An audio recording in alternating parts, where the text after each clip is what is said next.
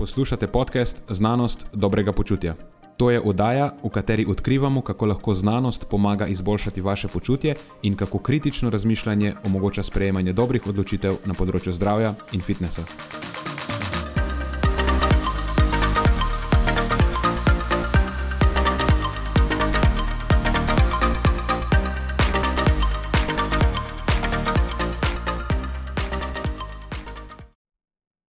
Pozdravljeni, z vami bo Nenad in moj sovoditelj Marijo. Tokratno epizodo sva se odločila v celoti posvetiti konceptu iskrenosti, oziroma mogoče bolje rečeno, splošnemu nerazumevanju tega koncepta.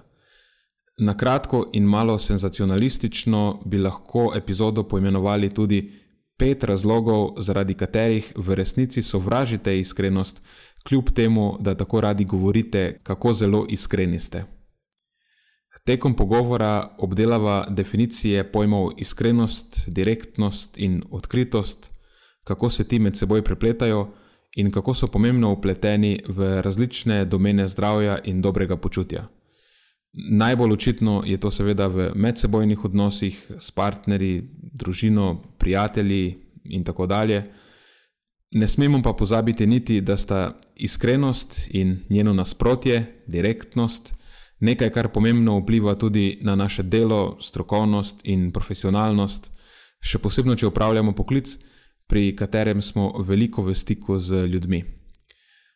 Glede na najn poklic, seveda, povsem pričakovano, so pomemben del podcasta namenila tudi iskrenosti v fitness industriji, oziroma spet bolje rečeno, pomanjkanju, če ne celo absolutni odsotnosti iskrenosti iz fitness industrije. Preden začnemo, pa se moram zahvaliti še našim sponzorjem. Zaenkrat to še vedno ni velika korporacija, temveč zvesti poslušalci, ki nam izkazujete zaupanje in podporo s prijavo v našo člansko skupino Znanost dobrega počutja. Hvala vsem, ki s tem držite luči prižgane in omogočate podkastu, da raste in postaja še bolj kakovosten. Hvala tudi vsem, ki nas podpirate s pozitivnimi komentarji in visokimi ocenami, ter s tem, da priporočate podcast svojim znancem in prijateljem. Zdaj pa je končno čas za začetek epizode. Uživajte ob poslušanju.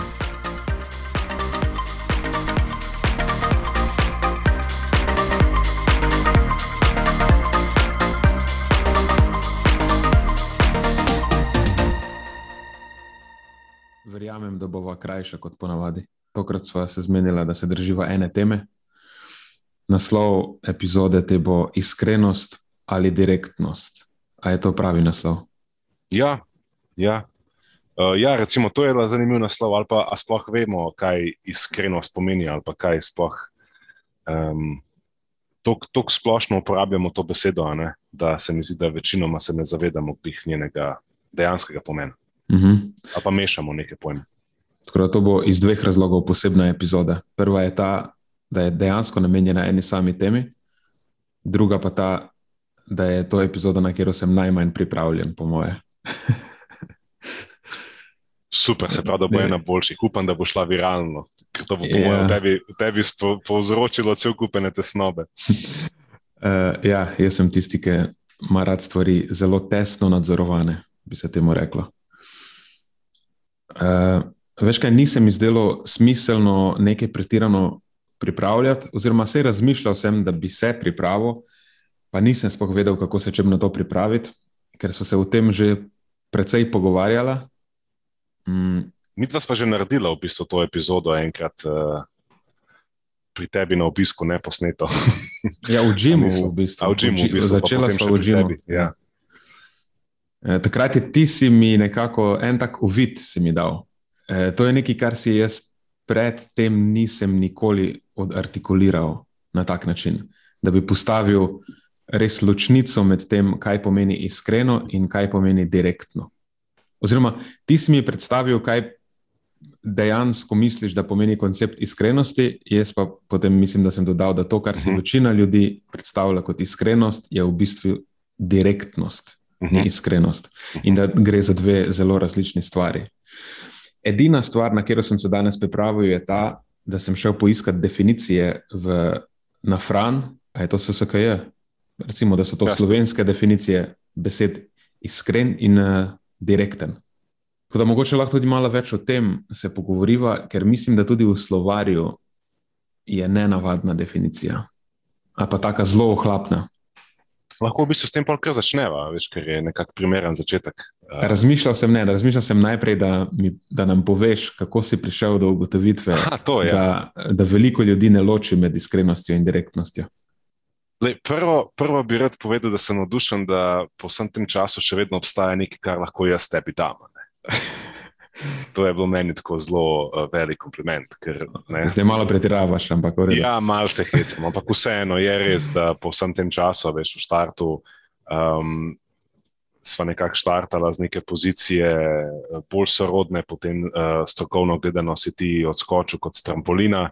Um, in v teh nekih um, pogledih na življenje, razmišljanjih, filozof, filozofiji in tem, o čemer se govoriva danes, eh, se bova pogovarjala danes, je pa nekaj, kar mi je vseeno fajn, da us- uspem vzbuditi nek tok misli tudi pri tebi. In je tudi fajn po drugi strani, da imam nekega sogovornika, ker večina ljudi v mojem življenju ni glih pretirano odprtih za um, te moje. Filozofi, to moje filozofiranje. Zato, da so poslušalci odprti, zato je še zmeraj samo hipoteza. Ne? To je, Zdaj samo, to je unik- samo hipoteza. Ja, tisti štirje, ki poslušajo zdaj to epizodo, si Ja. mislijo, O, "O, moj ja, bog. po mojem življenju tudi ne. Ja. To, veš, eh, dejansko bo to epizoda in cel podcast za tistih nekaj odpadnikov. Ne? Ja. Okay, zdaj pa bom eh, se uh, osramotil. Zdi se mi, da je to fajn, da uh, s tem opravimo v samem štartu, ko to bliža, veš, potegneš. Uh, hitro, pa manj boli, ampak to je v bistvu ne vem, če sploh drži. Pa bomo videli, če tudi v mojem primeru. Um, jaz sem prišel do tega uvida, ko sem gledal um, samega moškega. To je za postat smešno. Ampak ne samo voljno, ne, sploh ne samo voljno. Ampak ne vem, verjetno se lahko poistovetite z mano, ko ste kdaj v kakšnem družbenem settingu, pa punce pa tam, pa družina, pa tako. Ne, pač bomo gledali samega moškega, da se malo smejimo. Uh, in ja, evo, kaj ne, jaz ostanem, pa grem ven. Pač ne, pač tam sem sedel. In jaz, uh, to se je začelo z prvimi epizodami, s prvimi eh, nekaj deli. Poslušam jaz te punce govoriti, ko so jih spraševali o tem, katere vrednote so njim najbolj pomembne, ne? kaj najbolj cenijo pri moškem, in tudi on je govoril o tem, kaj najbolj ceni pri um, ženski. In tisto, kar je res izstopalo, ne, um, je iskrenost. Ja, iskrenost je meni bolj pomembna, iskrenost je meni bolj pomembna, iskrenost, iskrenost, iskrenost.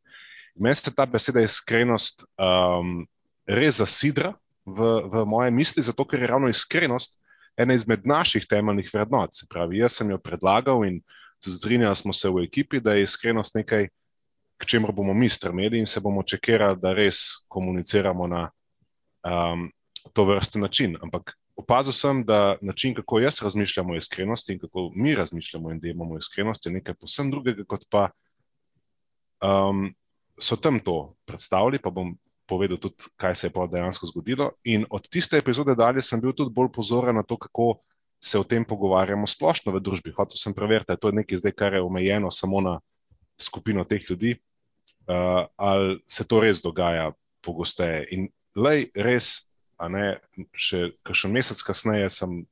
Ne, na, vsem, na vsakem koraku, ko sem se pogovarjal o teh stvarih, je bila ta iskrenost res, po mojem mnenju, napačno um, razumljena in tudi interpretirana, oziroma uporabljena. Um, in to, kar sem opazil v tem, v tem šovu, je, da mešajo, kot je Nina že v vodu na, na, na, pe, na pelu, ne iskrenost za direktnost. Ne. Eh, Rekla so, da je meni ful pomembno, jaz sem ful iskrena oseba. Recimo, to je bil tak tipičen primer, ko nekdo sam sebe opisuje. Jaz sem ful iskrena oseba, jaz povem tako, kaj je. Zdaj, a to je definicija iskrenosti? Jaz pač nekomu povem tako, kaj je. Hej, Hani, um, a sem se kaj zredila, ali pa mi paše ta frizura, ne grda si, k, ne vem, ful ti ne paše, ful si gadna, res to sploh ni ok. Ja, zredila si se, ful si debela bajsa. Kaj imaš, veš, to, na, to- kaj imaš to na glavi? Kaj imaš to na glavi, to je sam gredo. A, res, a to, je zdaj, to je zdaj definicija iskrenosti. Povem tako, kaj je, povem direkt, povem človeku povsem brez vsakršnega filtra. Zdaj, in to je nekaj, k čemu ne bi kot družba stremeli oziroma dojemali kot nekaj pozitivnega. Se pravi, pozitivna opisna lastnost ali vrednota ali neka karakterna opredelitev je, da je človek iskren in pove kaj je, brez dlake na jeziku, to je pa nekaj, kar zdaj postaja sinonim, ki se skupaj z roko v roki omenja v kontekstu iskrenosti, in to me je naravno zmotilo. In s tem sem prišel v potem debato z Nenadom. Mene že na začetku zmoti, ko kdo reče: Povem tako, kot je, ker to v resnici ne drži. Ti poveš tako, kot ti misliš. Točno to. Ne tako, kot je. Ker če te nekdo vpraša, ali imam lepo frizuro, pa mu ti poveš, ne, recimo, grda je, potem je to tvoje subjektivno mnenje. Uh -huh. To, kar večina ljudi dojema kot iskrenost, pa reče: Povem tako, kot je, v bistvu to pomeni, povem to, kar mislim. Ja, in, in to je nasprotje iskrenosti. Ampak to je ta. To je ta meni bil res nek oksimoron. Pač nek, na eni strani točno nasprotje iskrenosti je nekaj, kar ti opisuješ kot iskrenost. In um, ko sem razmišljal o tem, kako mi dojemamo iskrenost, mi je manjkala ena zelo pomembna komponenta. Ker, če spet uporabim tisti primer o tem, da zdaj imamo v redu v tej obleki, en tak zelo filmski, hollywoodski primer. Pač, če hočeš biti iskren, potem moraš upoštevati pozicijo posameznika ne, v določeni situaciji. Ne. In to je nekaj, kar mi poskušamo pri delu z našimi strankami vedno znova početi. Ne, če, nas, če te nekdo vpraša karkoli, ali pa če želiš nekomu karkoli sporočiti, ne moreš se skriti ali uporabiti direktnost, pa to predstaviti kot iskrenost, ampak moraš upoštevati zdaj kontekst, okay, kaj je v najboljšem interesu tega posameznika. Mhm. Tukaj mogoče zdaj lahko presekava z v narekovajih uradnimi definicijami, potem pa mhm. lahko probava ja, sestaviti ja. našo definicijo. Čim, to, to je nekaj, kar še nismo naredili. Tako da to bo pre premjerno zdaj v tej ja. epizodi. Nimamo neke tako artikulirane definicije. Pova skupaj. Ampak ja, ti predstavi najprej ta uraden.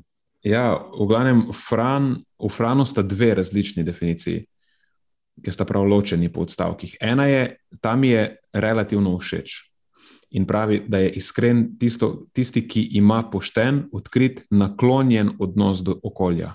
Tukaj ta naklonjen se mi zdi ključna beseda, pa lahko kasneje pojasnim, zakaj. Mhm. No, potem je pa druga definicija, ki je spet na dva dela razdeljena in pravi, ali ena, ki govori, ravna tako, kot v resnici misli ali čuti, in druga, ki vsebuje, izraža to, kar kdo v resnici misli ali čuti. Um, In potem sem našel še odkrit, je beseda, ki ima enako definicijo, ki vsebuje, izraža to, kar kdo v resnici misli ali čuti. Potem pa, če greš pogledat definicijo besede direkten, je pa tisti, ki je brez posredovanja, brez česa umestnega, neposreden, ki ničesar ne prikriva ali je jasen. Okay. Tako da je vse tri besede se pravzaprav malo prepletajo. Definicije teh besed se malenkost prepletajo. Ker v iskrenosti definitivno imaš to komponento odkritosti, ker pravi definicija, ki ima pošten, ampak tudi odkrit in naklonjen odnos, če upoštevamo prvo. Se mi zdi, da ta prva, ta prva mi je najbližje. Ja, tudi se mi zdi, da je najbolj ločena od odkritega in direktnega. Prvi je pošten, s poštenim namenom prideš, ali pa z dobrim namenom. Ne, zato, ker Zato mi je bila všeč beseda naklonjen. Avtomatsko si se predvideva, da si v tej interakciji naklonjen zdaj ali nekemu skupnemu cilju ali osebi, s katero si v interakciji. Pomeni, da je dober namen že sam po sebi pomembna komponenta iskrenosti. Dočim pri direktnosti mislim, skoraj siguren sem, da tega ne moreva reči. Direktnost ni povezana s tem, kakšen namen ti imaš v interakciji s to osebo. Ni vezana na njo, pa na kontekst, ampak je izvira iz tebe. Ti imaš neko potrebo, da se izraziš. Pogosto, pogosto potem da, to. Ja, pogosto, to, da se braniš. Ali pa da se braniš. Ampak pogosto je samo neka iz tebe izvira. Ne? Namen tega je v tebi, ni v celotnem kontekstu. In ponavadi je to za neko impulzivno bruhanje čustvena reakcija samo zato, da bi bilo tebi lažje. Da daš to ven, zdaj pa vi delajte s tem, kar ste, da, da se meni ni treba ukvarjati. Dočim iskrenost je nekaj čisto drugega. Ti prevzameš odgovornost za to, kar se bo zdaj dogajalo okoli sebe. In ker si že prišel z dobrim namenom, imaš ne dober namen, prevzameš odgovornost tudi potem deloma vsaj za reakcije osebe, s katero sodeluješ, upoštevaš, kakšno reakcijo utegne pri njej vzbuditi, če bo slabo ali pa dobro. Zdaj, če si prišel z dobrim namenom. Pot... Hočem reči, sicer malo po ovinkih, ampak dejansko tega ne moreš drugače povedati, pa mogoče lahko kar eh, neham plesati okoli te vrele kaše ali kako se reče. V iskrenosti torej obstaja neka komponenta manipulacije. To je zdaj mogoče nekaj, kar ljudem ne bo všeč slišati. Ampak dejansko obstaja neka komponenta manipulacije. Problem je, eh, ljudje razumejo mani, besedo manipulacija kot nekaj, kar je nujno, vedno slabo. Ne, vedno, ko omeniš manipulacijo, tako grdo zvenino, umazano. Ampak ni nujno, pač manipulacija je samo beseda. Se lahko bi spet pogledal definicijo, pa nisem. Ampak ti imaš nek, nekaj, hočeš doseči pri nekom, s kom si v stiku, ali pa pri nečem, z, s čim si v stiku. Zdaj, če je to dober namen, potem je to manipulacija za dober namen. Zdaj, jaz razumem, da je to lahko spet cela moralna debata v tem, ampak dajmo reči načeloma, da če imaš dober namen, da to je potem lahko dobra manipulacija. Če glih, lahko bi spet rekli, da je pot v pekel je lahko vana s dobrimi nameni. Ne? Zato mhm. pravim, da je to lahko cela svoja debata. Ampak dajmo pač recimo domnevati, da dejansko lahko ne, z dobrimi nameni dosežeš dobro stvar. No, to sem se ho samo hotel reči, da dejansko je neka komponenta manipulacije tukaj prisotna, ampak to ni slabo, če si odkrit v namenu. Ne, ti no, ne probaš zavest s to manipulacijo v iskrenosti, ampak si odkrit si v namenu, imaš dober namen, ampak potem na koncu vseeno neke stvari ali zadržiš ali jih uh, prefiltriraš, ne, to, kar rečeš, mogoče prefiltriraš v luči tega, kakšen odziv potem želiš eh, zbuditi pri drugi osebi, ali kaj točno želiš doseči s to interakcijo. Prevzameš, zdaj, če se vrnem nazaj, dejansko ne, ti s tem prevzameš odgovornost, da ne zbruhaš vsega ven, zato da bi bilo tebi lažje, ampak mogoče neko stvar pri sebi zadržiš na svoj račun, da ti bo težje, zato da bo za ostale, ki so v, tem, v tej interakciji, optimalno poskrbljeno, zato da bo rezultat za vse vključene čim boljši, kljub temu, da je to mogoče na tvoj račun. In zato je iskrenost težka, dočim direktnost pač ni težka, to je najlažja pot. Ja. Všeč mi je bilo, ko si predstavil v bistvu direktnost ali neposrednost kot nekaj, kar izvira iz tebe in je tudi namenjeno, tem, namenjeno temu, da se ti počutiš bolje ali pa da ti je lažje. To je v tej prispodobi kot neko bruhanje. Veš, ti pač zbruhaš, pospričaš, posvinjaš vse naokol, naokol, tebi je pač pol fulaže, ampak vsi ostali so pa pač posvinjani. In to je zelo podoben nek ne modus operandi, ko se skozi direktnost in neposrednost izražamo. In to je zelo tak tudi tipičen primer, ki ga srečamo v vsakodnevnem življenju. Nekaj se zgodi, kar ti narediš ali pa nekoga sproži, in se zgodi ta čustveni odziv, njemu to zdaj ni všeč. In zdaj, ker on ni sposoben ne, ustaviti filtra iskrenosti, se potem zateče k direktnosti oziroma neposrednosti, spluva vse, kar ima za spluvati. Tako da nisem glih zihar, da direktnost oziroma neposrednost zares upošteva ta predpogoj, da s tem izražaš to, kar v resnici misliš, ker nisem prepričan, da je to tisto, kar v resnici misliš, ampak je samo nek trenuten vzgib. In potem, ko nekomu seveda to ni všeč, se ne odzove dobro na to, te mogoče celo popravi, ali se pa odzove drugače, kot bi ti pričakoval ali želel, potem rečeš, aha, pač, lej, to je samo zato, ker ti ne preneseš iskrenosti, ti sam ne maraš iskrenih, iskrenih ljudi, resnica tebe samo boli, ne, ne, nisi je sposoben sprejeti. A veš, kje pa mešamo pojme? Se pravi, nastopiš za za neke take pozicije, ki sploh ne upošteva uh, druge osebe, in potem, ko se one odzove, na odzove primerno, potem seveda k, ne, neko odgovornost preložiš na njega. Ne. Ponovno. Ponovno. Še, še drugič. Še drugič. In ga v bistvu dvakrat poklopiš.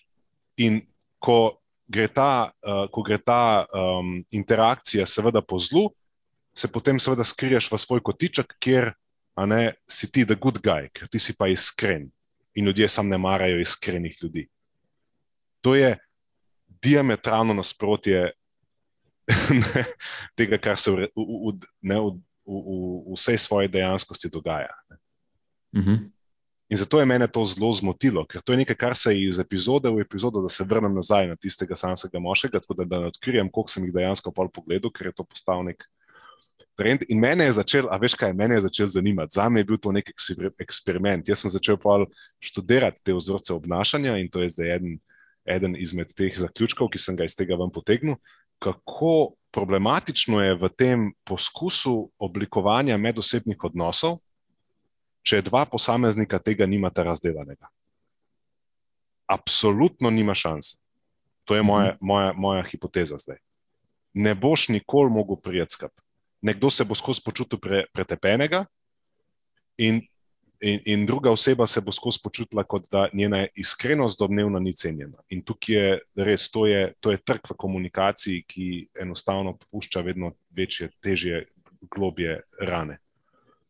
In tam v tisti, v tisti uh, seriji ne, se je to s časoma, ko so tenzije naraščale, ne, je bilo vedno bolj in bolj očitno. V štartu smo se še vsi neki trudili, ne, ampak pol kasneje je pa ne, uh, najbolj pod navednicami samo imenovani iskreni posamezniki, so bili najbolj strupeni, najbolj nesramni, ne, najbolj neobzirni in škodljivi za ne, celotno družbo, ampak sami, ko so imeli pa možnost sebe opisati, so imeli pa točno to, ta, ta izprijen pogled na to, kako se jih dojema in kako se jih prezentira. In to je bilo, to je bilo nekaj, kar sem potem želel ne s tabo deliti, ne, in je zdaj na koncu končalo tu. Uh mhm. -huh. Ena ključna komponenta iskrenosti bo očitno obzirnost, dočim sama direktnost je zelo neobzirna pogoj iskrenosti in obzirnosti. Mm. Lahko cepim s temi besedami, zato ker eh, poskušam sestaviti neko definicijo. Ja, Oziroma, razmišljam, ja, ja, razmišljam ja. o definiciji, vsaj o nekem naboru besed, s katerimi bi lahko opisali iskrenost. Drugač pa, zdaj, če ne, posluša kdo iz, eh, ali je to na PopTV-u, ta slanski moški. Ma ne vem, kje je bil, mislim, da je bil na PopTV-u. Ja. Okay. Uh, jaz razumem, sicer moram priznati, nažalost, da nisem pogledal nobene epizode, ampak imajo ti reality šoji ponavadi neke strokovne komentatorje? Ne, ta ni imel. Ah, ta, ta, ta je imel samo kasneje. No, pač ne, še, neke, ne še. Neke, neke skrbno izbrane, uh, ja, nimajo. Ja. Ne še. Uh, Tako da, če kdo posluša iz PopTV-ja, mi dva smo pripravljeni sodelovati kot strokovna komentatorja. To bi bilo na vse zanimivo. Ja, potem bi mogoče tudi bolj kot to, kar sem imel v tisti oddaji po, po, po Sanskem moškem. Pogledal, kako epizodo. Ja, meni je res, oddaja mi je zelo dobro prikazala, kje je v komunikaciji, kje obstajajo komunikacije in ta družbeni problem. In to, kar si ti potem dodal, mi je bilo res tista češnja na vrhu torte v tem razumevanju celotne zgodbe. Eh, in všeč mi je ta poskus danes, da bo ne, to se namenila definirati pod navednicami.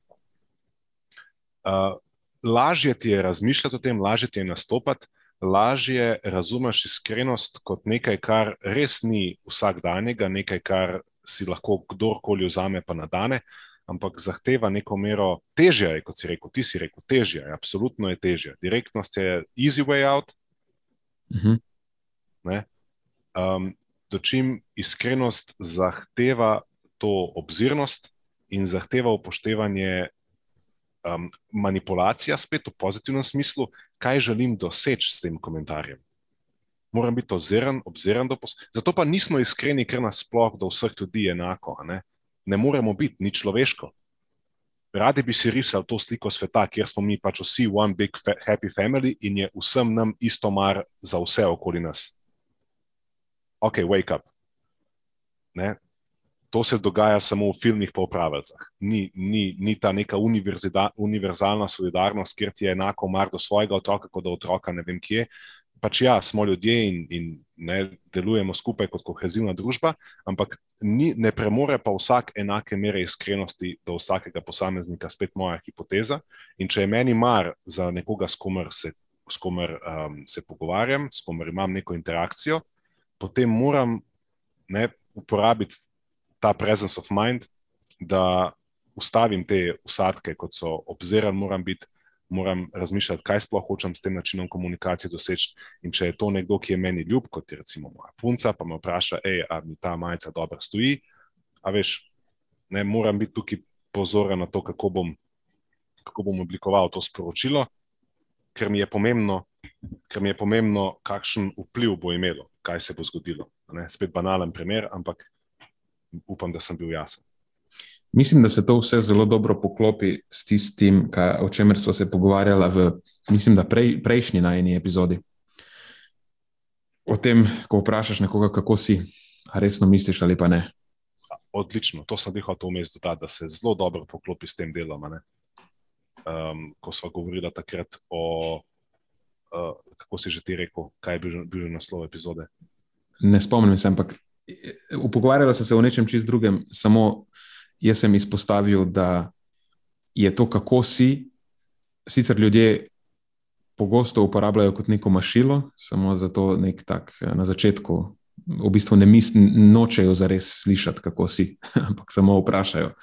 Dočim, kako si, je lahko zelo iskreno vprašanje, če te to zares zanima. In tudi meni se zdi zelo pomembno vprašanje ker potem naredi teren za celotno nadaljno interakcijo. Ti si celo rekel, da pač, če te res ne zanima, ne vprašaj. Se je sto enih stvari, drugih, o katerih se lahko pogovarjaš, ali pa ki jih lahko omeniš. Ne? In mhm. tudi tukaj, ko govorimo o iskrenosti, bi lahko uporabljali ta isti, isti, ta isti napotek. Če res ne premoreš v tisti situaciji te obzirnosti, ne odgovori, ne podajaj svojega komentarja, svojega mnenja, ja. izogni se. Ali pa ne vprašaj, ali pa ne vprašaj, kako si. Če te ne zanima, kako si, ne me zavajati s tem, da te v resnici zanima, kako sem. Uh, navezal sem se na to, zato, ker si rekel, da zahteva nek presence of mind. Nek, uh, moraš biti prisoten in ne moreš vedno biti z vsemi prisoten.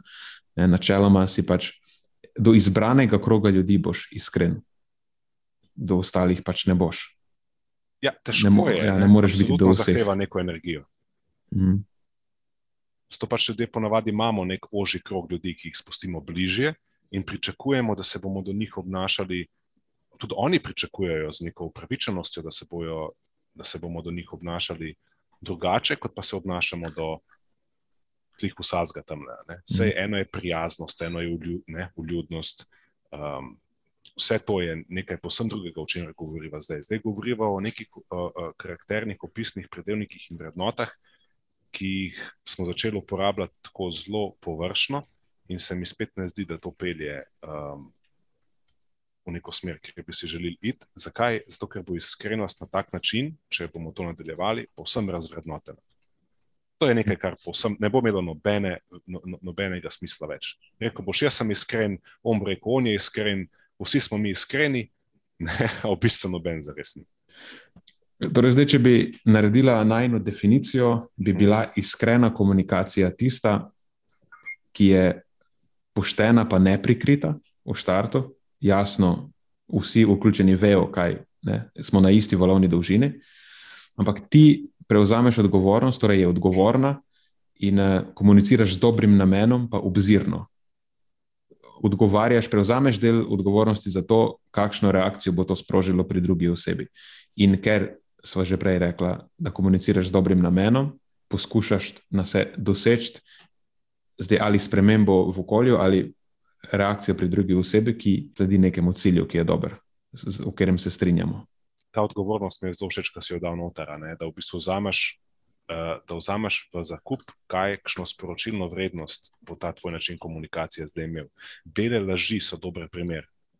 Če te nekdo vpraša, lej, a, kaj misliš, da sem se ful zredil čez korona čas, zdaj lahko mu rečeš, ja, debel si kapujs, pa se skriješ za iskrenost, kot si jo ti namišljaš, ampak dejansko storiš to, kar si zdaj naredil ti, ne, to, to, po tej definiciji, in upoštevaš, kaj bo to povzročilo pri njemu, se odločiš, da ne boš šel po tej poti in rekel, ja, lej, pač, veš, težek čas je bil, vsi smo imeli malo težave, nismo se mogli dobro rekreirati, prihraniti. Lej, bova zdaj probala, ne, kaj boš zdaj naredil. Boš, veš, imaš vse kupenih orodij, kako lahko to sporočilo, ta odgovor, ta odziv zapakiraš na, ne, kot si rekel prej, spoštljiv, odgovoren in obziren način.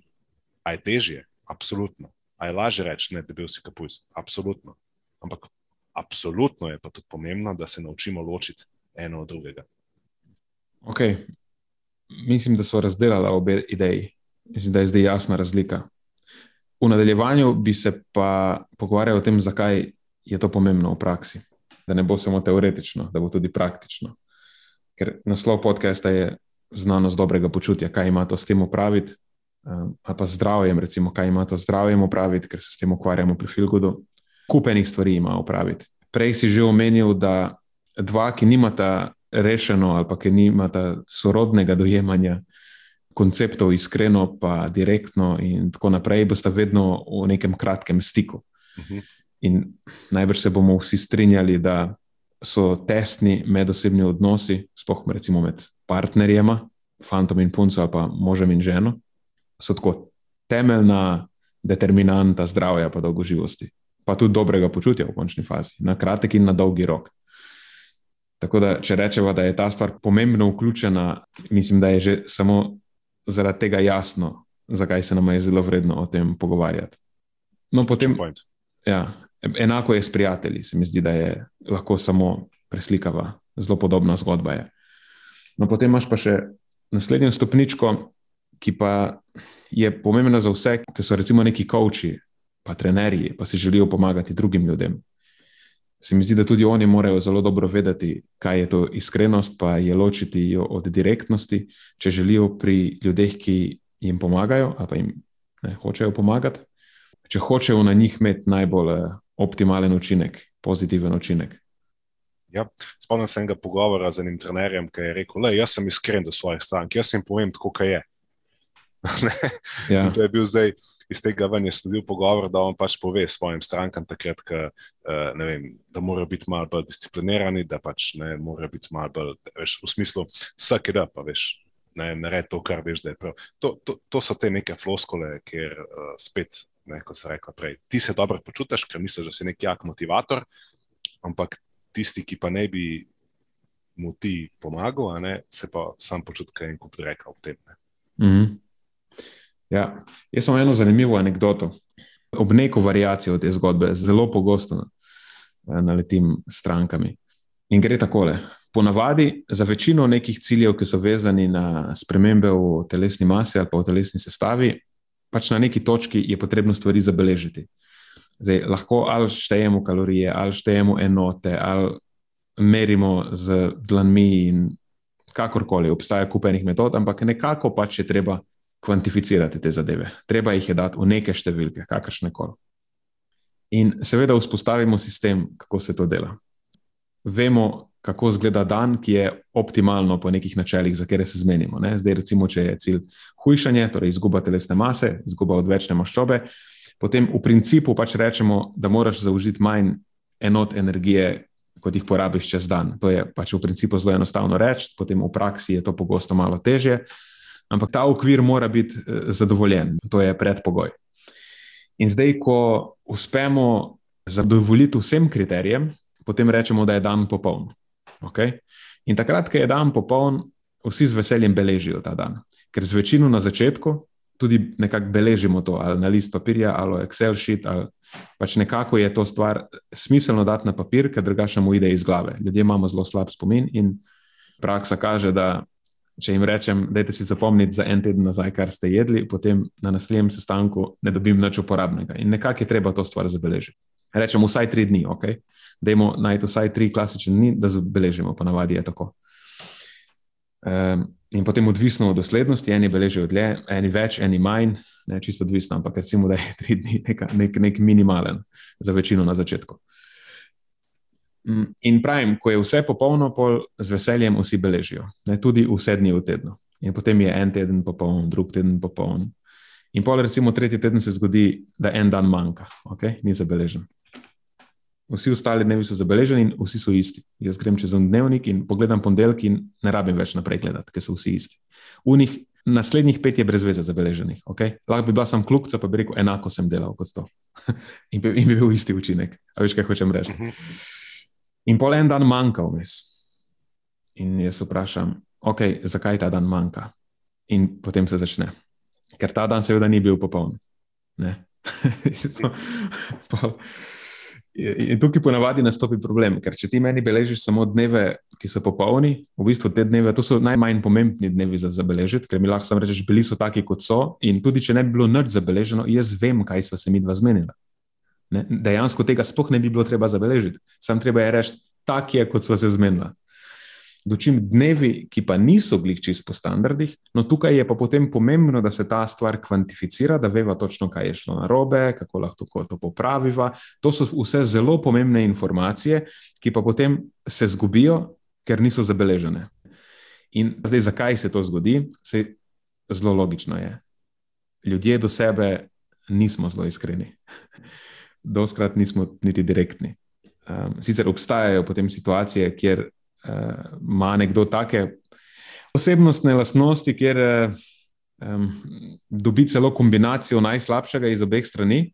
To pomeni, da eh, prvič ni iskren, zase ne najde dobrih besed, pa si v sebi misli vse najslabše. Uh, po drugi strani je pa potem še pretirano direkten, ne, pa se pol eh, takoj pobruha za vsak eh, spodrsljaj. To itak ni, ni koristno na noben način, ampak to, po mojem, ni glih večina ljudi.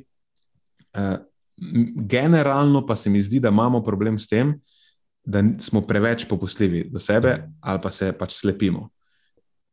Pogovarjali smo se o tem že v prejšnji epizodi, ki je bila moja solo epizoda da si ne priznamo, da ne priznamo napak, da stvari pometamo pod preprogo. Ne, to je ena zelo pomembna stvar. Takrat, ko grejo stvari na robe, hitro pometemo to pod preprogo, da ne razrušimo pozitivne slike o sebi. Ne, jaz rad beležim, ko je vse popolno, in pol tudi z veseljem mi ljudje pokažejo, gledaj, kako sem bil pridn. Pet, šest dni. Okay? Začim un dan, ki pa je bil malo slabši, potem izgubim motivacijo, pa sej ne bom dan zabeležil, bom jutri spet, ki bo vse fajn lažje je to pomesti pod preprogo, kot pogledati v brezno. Tukaj na tej točki vidim, da, da se borimo dostkrat. Uh, tudi enkrat, ko je ta koncept predstavljen, zakaj je zelo pomembno dejansko zabeležiti tiste dneve, ki niso popolni, ker to so najpomembnejši dnevi, ker se ne, usedeš se, napišeš, kaj je bilo, pogledaš v brezno, vidiš napako, kakršna je, sprejmeš jo za svojo, kvantificiraš jo, in potem se lahko o tem pogovarjamo, iščemo rešitve. In če nam to nam samo enkrat mora uspeti rešiti, in je stvar rešena, potem več ne ponavljamo napak. Če pa ti meni prideš nazaj z praznim listkom, ki nima navedenih teh napak, potem nimamo kaj popravljati in jo boš naslednji teden spet ponovil. No, in na tej točki je seveda iskrenost zelo pomembna. Ker jaz bi lahko bil zelo direkten, pa bi um, lahko rekel: hej, pa koj ti je da je zabelež to, mislim, kaj ti je. A mi lažeš, ali pa veš, ne, vse, kar mi takrat leži na duši. In kar bi se zgodilo takrat, je, da bi varovanec se odzval najbrž defenzivno, ker sem ga napadel, kar je čist res. Napadel sem njegov karakter. Eh, zdaj, on ni zabeležil tega, ker hoče meni lagati, ker je že v startu pač nek obrambni mehanizem, ni, ni slaba oseba zaradi tega, pa ni to naredil namerno. Večina ljudi, ki rečemo, da pogosto ne, v rekovajih, da ljudje lažejo o tem, koliko pojejo. Mislim, laž ni prava beseda, ker noben načeloma se to ne dela namenoma, ampak čist podzavestno. In nima smisla, da jaz njega direktno napadem, da izbruham vse na njega, kar zdaj meni leži na duši. Sploh nisem preveril, ali je to dejansko leg, neka, nek legitimen moj zaključek ali samo moja prva impulzivna reakcija, eh, ki je neprimerna, ki niti ni res, ne, nima neke osnove v resnici. No, na tej točki potem vstopi iskrenost, da jaz stopim korak nazaj, probam čim bolj objektivno preveriti situacijo, kaj so plusi, kaj so minusi zdaj tega, kaj bom izrekel v nadaljevanju, nekako lahko dejansko vzbudim optimalno reakcijo, da bo potem ta oseba naklonjena ideji, da naslednjič, ko se to zgodi, da ji predstavim vse pozitivne plati tega, da bo potem naklonjena ideji, da mi dejansko začne beležiti te dneve, ko niso stvari idealne, da jo spodbudim da jo motiviram za to, da začne gledati uh, v brezno, kot, ne, da začne jemati napake za svoje, da začne prevzemati odgovornost za te stvari, za te spodrsljaje in, in tako naprej. In se mi zdi, da tega brez iskrenosti skoraj ne moreš doseči. In če ti misliš, da si iskren, ko si direkten, pa nikoli ne dosežeš dobrih ciljev. Nisi, mislim, čist pragmatično gledano, nikoli ne boš dober coach. To je konec mojega monologa. Poslušam in razmišljam razmišljam o tem, da ljudje na splošno se mi zdi, da ne maramo kritike. V bistvu. Kritika je nekaj, kar nam nikoli ne tekne kot sledica. Ne? Ja, ti si tukaj sebe vidiš kot izjema in se strinjam, ti si res izjema v tem, da uporabljaš kritiko kot neko hrano, se s tem ne polniš. Pa vseeno bi, kot te poznam, lahko argumentiral, da kljub temu nisi povsem neobčutljiv na način, kako je kritika predstavljena. Ne, se tudi realno, to se mi šalimo, doskrat. Jaz imam rad kritiko, ampak pogosto se ujamem v, nisem jaz nobena izjema. Dejansko. Ampak si manj občutljiv, recimo, bistveno Ja, manj občutljiv. ja, mislim, da sem tako, mogoče res vunem. Ja, čist, kljub temu si. Ja, ampak sem to, večkrat se ujamemo to, kako vsaj v štartu impulzivno, recimo, vsaj prvih pet sekund. To je res človeška stvar. Znam reagirati zelo defenzivno. Ne. Vse uspe mi pogosto, da ničesar mogoče sploh ne rečem, preden prepoznam to, pa se korigiram. Ampak se mi zdi res, da je ena taka zelo, zelo človeška stvar, ker noben ni imun na to. Tukaj, Če te nekdo povozi, sam začneš se braniti. To je tvoja prva reakcija. in tukaj je zdaj keč, ker direktnost nikoli ni konstruktivno kritična. Uh -huh. Ne gre, to, to ne, neizvedljivo je. In tukaj imaš zdaj problem, ker ja, ti si zelo dobro uporabil prispodobo iz prakse, oziroma zgodbo iz prakse, kako ljudje v celoti zanemarijo tisti del, ko, ni, ko jim ni šlo dobro, verjetno glih iz tega strahu pred kritiko, ne, odgovorne osebe, ki si ti kot trener, nekdo, ki ga oni vidijo kot avtoriteto in ga ne želijo razočarati, zato ta del informacij se odločijo izpustiti. Drugi, drugi, uh, moj, druga moja hipoteza bi bila, da mogoče so nekateri ljudje že kot tisti Pavlov pes, ne predi, pre- pre- predispozirani, da so že v preteklosti morda kdaj prišli k trenerju. ne. To, lej, redko kdaj pride kdo k nam prvič, mi smo ponavadi tisti, katerim pridejo zadnjič na, na, Mhm. na coaching. Prej so vse živo že probali. In so že kdaj prišli z zamudili trening, eh, zafrknili pri prehrani, ampak kaj so dobili? Ne, to, je, to je tisto. Ne, se pravi, ti prideš nekomu, dobiš po, po prstih, dobiš neko neposrednost, neko direktnost. Ne, kot si rekel, a misliš, da on ne ve, da je zajem? Veš, to je ta problem direktnosti in neposrednosti. Dela se budalo iz osebe. Kada ta oseba sam pri sebi zares ne ve, da je zafrknil. Kada on zdaj rab tebe, da boš ti njemu povedal, da je on zajem. Ker Prelagaš on ne spet, prelagaš spet odgovornost. Ne? Točno To je to. točna una fora z, tudi z nekimi ekstremnimi pristopi in dietami. Nisi zadost, zadost low carbov, to je problem, ali pa nisi bil zadost vegan. Ja, nisi, nisi, nisi dovolj nekih arbitrarnih pravil upošteval. Ja. Kada ljudje sami pri sebi, če je zamudil na trening, če je zafrknil pri prehrani, če je pojedel nekaj, kar niste bili zmenjeni, kada on sam pri sebi ne ve, da to ni ok. Pa Mhm. ve, ne rabo on zdaj od tebe, da ti zdaj, aha, jaz sem iskren trener, jaz bom njemu to zdaj povedal. Ne, ne, ne rabo on, da mu poveš to, kar on že ve. On rab, da, to, kar si ti rekel, zelo lepo, on rab, da mu pomagaš, da se s tem sprijazni, da tega ne zanemarja, da, da, da pogleda v to brezno, v smislu, da prevzame odgovornost za to in da si ne zatiska oči. Ne? Eh, Pa še komponenta odgovornosti je. Ti prevzami odgovornost. K meni, ko pridejo nazaj, pa je ta dan prazen. Kdo je zdaj kriv, da je to prazno? A sem jaz njemu povedal na začetku, kako pomembno je, da beleži napake? Ja, mogoče mu sem, ampak še zmeraj obstaja možnost, da nisem bil zadost jasen, ker obstaja omejena količina informacij, ki jih lahko efektivno skomuniciraš v enem bloku časa, v eni uri, ki jo imaš z njim na voljo, načeloma, ali pa še manj. In dejansko moraš na začetku, ko se spravljaš v proces z novim varovancem, moraš sprejeti, da bo nekaj stvari bo treba ponoviti. Moraš sprejeti eh, svojo odgovornost kot koča, da ne, boš, ne moreš njemu izbruhati vsega zdaj tukaj na pladen, pa bo on to 100% upošteval. Ampak bo treba tekom procesa strateško ali taktično spet ne, namenjati neko količino časa, da se ponavljaš, da, da razširiš neke ideje, da jih ponoviš večkrat. Ni samo njegova krivda, da stvar ni bila izvedena tako, kot mora biti. Tudi tvoja odgovornost, ni krivda, ni prava beseda, mogoče pa od, odgovornost, ne, ki jo moraš sprejeti, je ta, da se odločiš na začetku, kaj je za najbolj pomembno, pa ga naučiš najprej te stvari, in potem pri sebi ohraniš to breme, da veš, da boš moral na ta račun v prihodnosti potem neke stvari, ki so zdaj izostale na ta račun, tudi uh, obdelati kasneje. In ne moreš potem štartati na njega, pa ga napast, ampak moraš potem znova tudi razsvetliti eh, ta del. In se mi zdi, da so to ni samo lastnost efektivnega koča, ampak tudi efektivnega liderja, da prevzema odgovornost, pa vodi ljudi. Ne? Se koč lahko bi debatirala o tem, kaj dejansko je koč.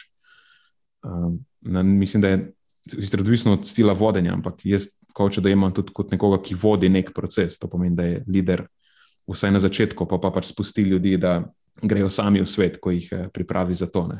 No, moje mnenje je, da smo v tej industriji, ne, kjer se predstavljamo kot prehranski svetovalci, kot trenerji, osebni trenerji, kot uh, kondicijski trenerji, ne, se pravi, koči za nadpomenko. Se mi zdi, da smo naredili eno napako in to je ta, da smo sprejeli nek konsens, da je dober koč tisti, ki sprejema odgovornost za svoje dejanja. Moje mnenje pa je, da bi lahko bil dober koč tisti, ki sprejema odgovornost ne samo za svoje dejanja, ampak tudi za posledice svojih dejanj. Pomembna razlika. Ker če jaz mhm. sprejemam samo odgovornost za to, da jaz tisto, kar naredim in rečem, je strokovno, pa je to samo ena plat kovanca. Če jaz to storim in komuniciram naprej na neposreden in direkten način, potem bojo posledice tega mojega strokovnega komuniciranja nikakršne. Uh mhm. -huh. In tukaj mislim, da obstaja gap oziroma velika luknja, neka vrzel med našo industrijo in tistimi ljudmi, ki jim poskušamo pomagati. Ne počutijo se razumljene, počutijo se z naše stroke nekako kritizirane, gledamo na njih zviška kot neke lene, nemotivirane, kot neke posameznike, ki so zavedeni, ki so ne, pač neka raja. Ne, in mi smo zdaj tisti, ki bomo s svojim znanjem njih odrešili ne bomo jih odrešili dosti krat svojim znanjem, ampak s tem načinom, kako znanje podajamo. In tukaj vidim, da je past, ki so jo izkoristili posamezniki, ki uh, so svoje, svoj imperij znotraj te industrije zgradili na strokovno neutemeljenih, napačnih in škodljivih informacijah, ampak so se naučili to, kar zdaj govorim, da te informacije podajajo na, na, na dejansko, vsaj na vides, iskren način, da se ljudje, ki to poslušajo, čutijo da, da jih ti ljudje razumejo, da, ne, da, da tam niso obsojani, da se tam počutijo lahko domače. In potem lahko to um, nekako podpira neko, neko skupnost, ki v bistvu ne, temelji na škodljivih praksah.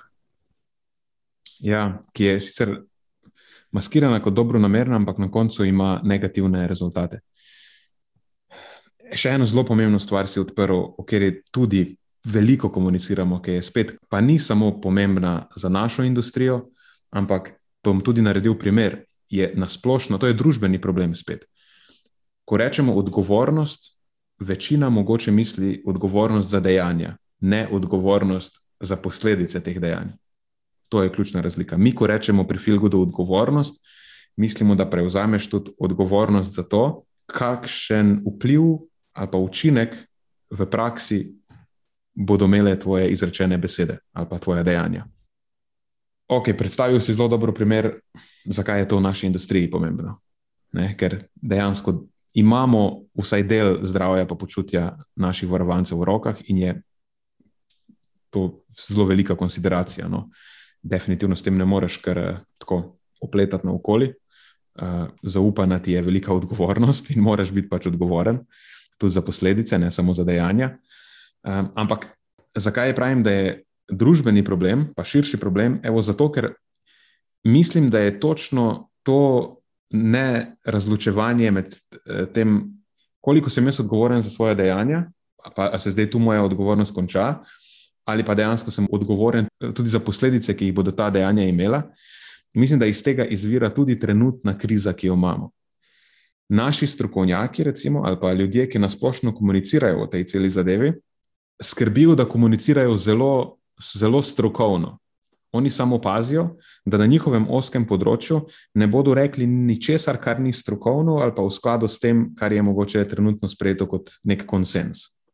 Zelo ustajajo znot, osko znotraj svojih strokovnih okvirjev. Redko kdaj pa se vprašajo, do čim se bodimo iskreni, tudi ta strokovnost pri nas ni čisto dobro pokrita, pa tudi odgovornost na tem področju zelo šepa. Ampak ne, če jim damo benefit the doubt, um, recimo, da so zelo strokovni, pa ostajajo samo zelo strokovni, pa so odgovorni na tem področju. Ampak tudi, če bi bilo to res.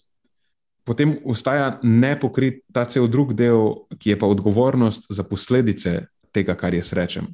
Ker tudi, če je nekaj izrečeno zelo strokovno, to še ne upošteva konteksta, v katerega bo padlo in kakšne posledice bo v tem kontekstu ta strokovnost imela.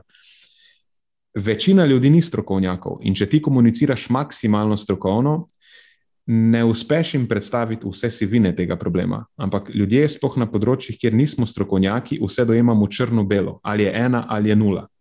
Ni sivine vmes, ni 0,7, ampak je samo ena ali pa nula. In tukaj potem pride do tega problema, ki ga zdaj imamo, ker so informacije sicer podane relativno strokovno, ampak imaš množico ljudi, ti, ki so komunicirali, niso upoštevali, kako se bo ta množica na strokovne informacije odzvala in si po svoje razlagajo stvari. Ti si dejansko efektivno si preložil odgovornost za ta drugi del na njih. Evo, tukaj so strokovne informacije, izbruhaš jih na njih, vi delajte s tem, kar šte, in pol, ko si jih vsi. Ali pa velika večina napačno interpretira, pol so oni krivi, ker so jih napačno interpretirali. Ja, lahko je to reči, pa tebi je bilo fulfino, ker si pol dela zvalil na njih, pa ga nisi rabil opraviti, ker je valjda težje razmišljati, ne samo to, da boš strokoven, ampak kakšen odziv bo to potem še imelo pri ljudeh. Ne, lažje je reči, da tukaj so strokovne informacije, delaj z njimi, kar češ. Jaz sem svoje opravo, ura je to, kot je, moje del, moj delovni dan je končan, grem domov. Jaz bi šel celo tako daleč, da bi rekel, da strokovnost, ki ne upošteva konteksta v bistvu ni za res strokovnost. Ne, lahko bi zdaj nekdo. To, absolutno. Pa bi rekel, ne vem. Um, uživanje sladkih pijač je javno zdravstveni problem in prispeva k debelosti. Zdaj, nek strokovnjak ne, bi temu prikimu rekel, da ja, to je res. Ampak, če to rečeš v nekem neomejenem kontekstu, je to lahko v bistvu iz, na svet, ki ima zelo škodljive posledice. Dajmo zdaj ta isti stavek v kontekst nekih vrhunskih športnikov. Ne? Kakšno sporočilno vrednost je to za njim sporočilo? Ja, mm. uživanje sladkih pijač je škodljivo in zaradi tega se bom redil. Mm. A zanemarja, da v njihovem primeru je to pravzaprav nenadomestljiv vir izjemno pomembne energije v času njihove aktivnosti pogledajte samo kolesare, nad katerimi se zdaj navdušujemo. Pa se vsakeč, ko pridejo uh, z, z, z um, kolesa, ali ima fanto, ali pa Coca-Cola v roki in to ne je ono zir. Ne?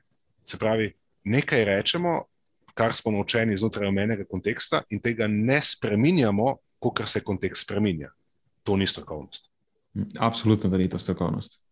Ampak tudi, če gre za pravo strokovnost, pa bi jaz pravilno iz, izluščil to, pa proba povzeti res v enem stavku, pa bi rekel, na ravni populacije so ne, tiste populacije, v katerih je eh, zelo prevalentno, da se uživa veliko sladkanih pijač, ne, imajo večjo pojavnost debelosti. Okay? Recimo, da bi bila to neka strokovna izjava. Ja, ampak to je zdaj strokovno, samo kako si bo to oseba razlagala.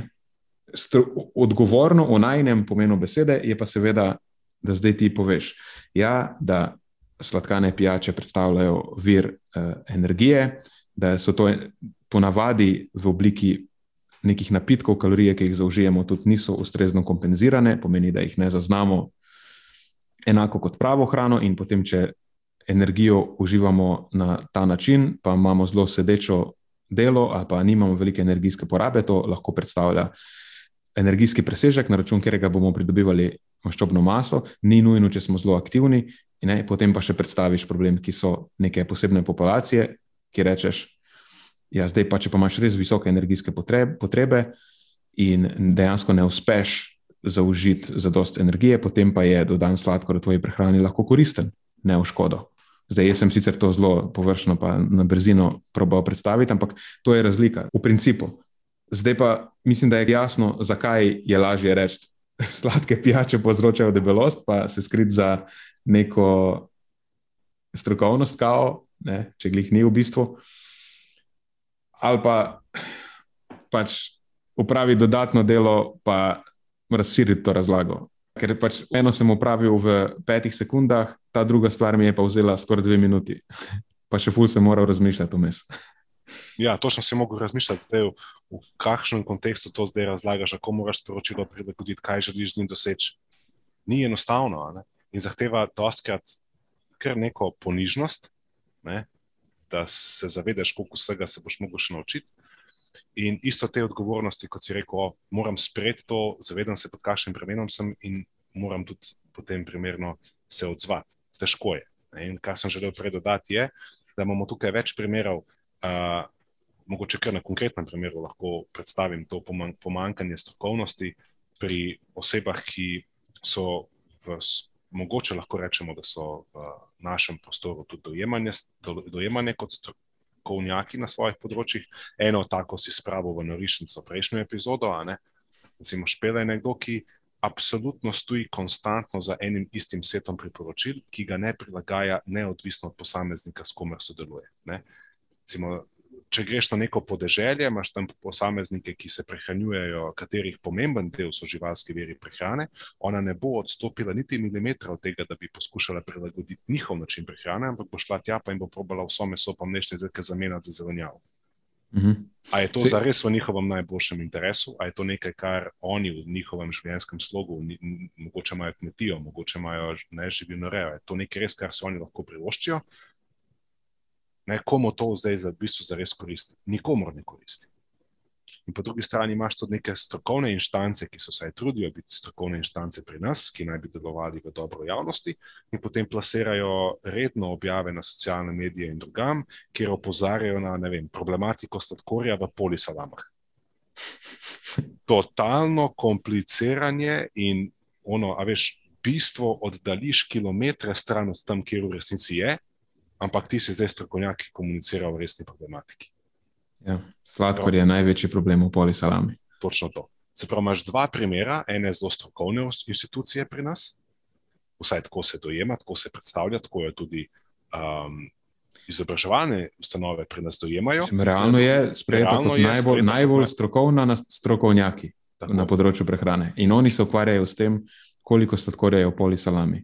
Z unim pol, pol grama skritega sladkorja v polisalami, to je glavni problem polisalame za njih za strokovnjake od strokovnjakov. In komu zdaj to sporočilo koristi ne, v širši javnosti? Nekomu, ki je mogel sproducirati, sicer to, to bo malo cinično, ja. ja, ki je mogel sproducirati to vsebino, preden se mu zaključi deloven dan, da je pa lahko šel domov. Ja. Ja. No, in to je, veš, oba primera, oba, oba primera, pač dva popolnoma nasprotna primera, z vidika ne, neke strokovnosti, ampak obema primeroma manjka prevzemanje za odgovornosti za posledice svojih dejanj. In, in to mislim, da je res trenutno eden naših največjih trnov v peti. In uh, zaradi teh načinov komunikacije imajo ljudje vedno večji občutek o uh, nepovezanosti industrije, o nekih notranjih konfliktih, da se pač nič ne moramo zmeniti, da en prav tako, drug prav drugače, en izpostavlja en problem, drugi izpostavlja drug problem. In težko obtožujem potem ljudi, da so oni tisti, ki um, samo ne uspejo razbrati, kaj je res. Mislim, da jim res ne pomagamo pri tem. Uh mhm. -huh. Ja, absolutno imamo kupenih problemov kot industrija, na kjer se trudimo tudi pri nas opozarjati. Okay. Pa sem jim to uspela slučajno spraviti v nek kulturen čas? Ja, razmišljam, ali so pozabila kaj dodati.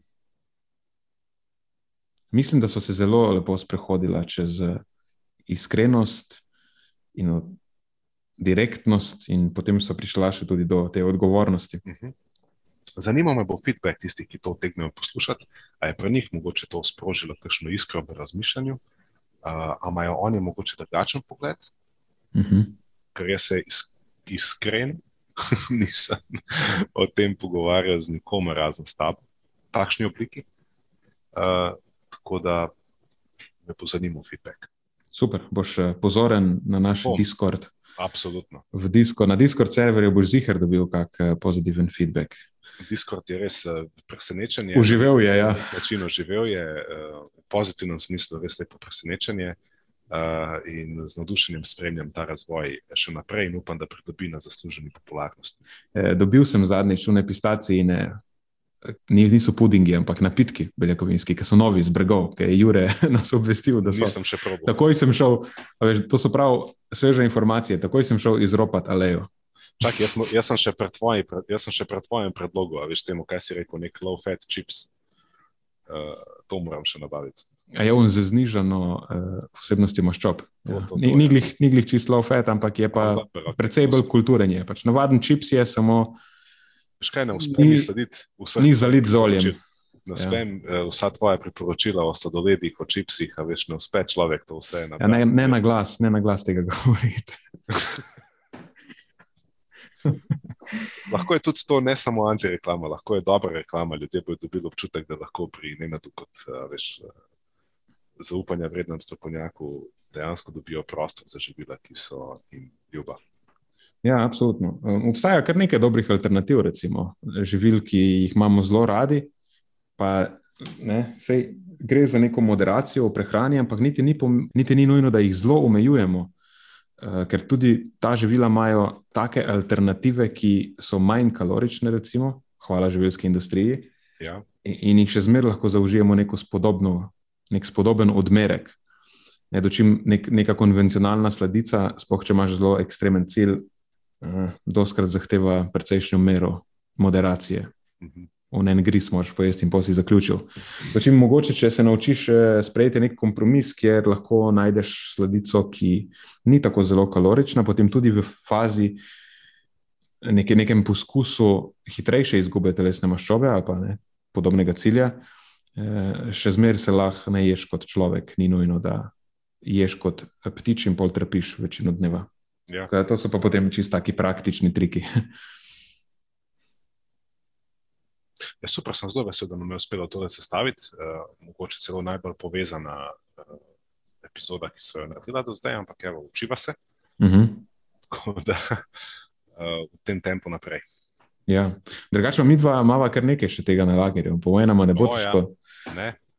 So, te, te teme mi dva lahko kar snemava, je to strnjene zanimivo. Res samo upam, da je to zanimivo, uh, ker meni vsaj bi bilo, če bi bil, poskušam se vedno postaviti v vlogo uh, ali pa nazaj v kožo tistega malega Marija, mladega Marija, ki je bil star 20, 22, 23 let.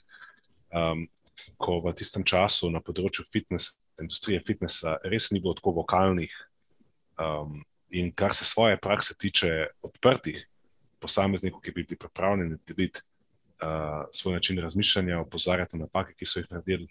Um, zdi se mi, da je to neke neprecen- ne- ne- neprecenljive vrednosti, morda je pač plasirano v čas, kjer se te stvari cenijo manj, ampak vseeno upam, da nadetijo na, na dober odziv. Ok, super. Potem pa hvala, Marijo, hvala vsem poslušalcem, vsem tistim štirim, ki ste to poslušali do konca. Dej, naj, dej se zmenite, naj vsaj eden napiše, vam je bilo všeč, a Ja. ja. bo povabil še koga drugega, da vas bo potem vsaj šest naslednjič. Da, Dajte nam sporočiti, kako je to padlo, kako vam je sedla ta epizoda. To je za tokrat vse iz naše strani. Hvala, ker ste poslušali do konca. Delite epizodo s svojimi znanci in prijatelji in jo priporočajte dalje, saj s tem omogočite, da sporočilo znanost dobrega počutja doseže čim večjo množico. Hvala vsem, ki nas podpirate s članarino in tudi vsem ostalim, ki delite podcast dalje in nam izkazujete naklonjenost z visokimi ocenami in pozitivnimi komentarji. Se slišimo prihodnjič, do takrat pa ostanite premišljeni.